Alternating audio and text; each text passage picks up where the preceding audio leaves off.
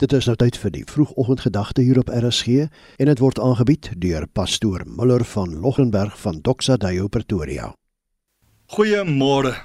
Ons leef in 'n vinnig veranderende wêreld met baie uitdagings. Die nuus is byderhand en elke uitdaging in die wêreld is nou sommer naby. Dit kan wees dat net van wie jy is, dit vir jou voel of almal se uitdagings jou uitdagings word. Ons het reeds soveel besluite wat ons moet neem wat ons persoonlik raak van hulle maklik en lewendgewend en ander voel meer soos aanvalle wat jy moet weerstaan. Hoe bly ons staande as dit voel alles om jou val in mekaar? Die Bybel gee ons baie antwoorde, maar soms voel dit soos Jesus se gelykenisse vir die disippels. Jy lees, maar weet nie hoe om dit toe te pas in jou situasie nie. Paulus in sy briewe na die verskillende gemeentes som baie teologies en diep gedagtes en soms net praktiese voorbeelde van diep waarhede wat hy vir ons deurgee. Efesiërs 6 is een van die gedeeltes waar hy werklike uitdagings met opbouende waarheid aanspreek. Lees saam met Efesiërs 6 vers 10 tot 18. Soek julle krag in die Here en in sy groot mag. Trek die volle wapenrusting aan wat God julle gee, sodat julle op julle pos kan bly, ondanks die listige aanslag van die duiwel.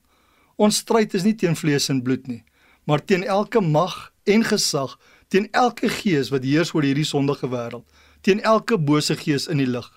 Trek daarom die volle wapenrusting aan wat God julle gee, sodat julle weerstand kan bied in die dag van onheil. En nadat julle die stryd tot die einde toe gevoer het, nog op julle pos kan bly staan.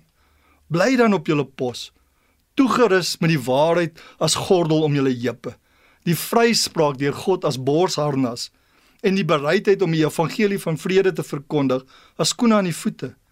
Daarby moet julle altyd geloof as skild in die hand hê want daarmee sal jy al die brandpyle van die bose kan afweer.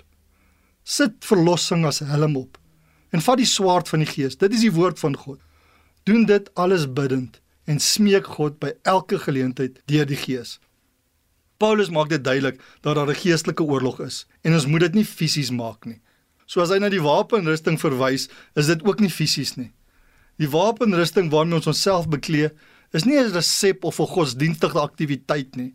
Dit is 'n geloofswaarheid wat ons moet verstaan in Christus. Hy gebruik woorde soos weerstaan en staande bly.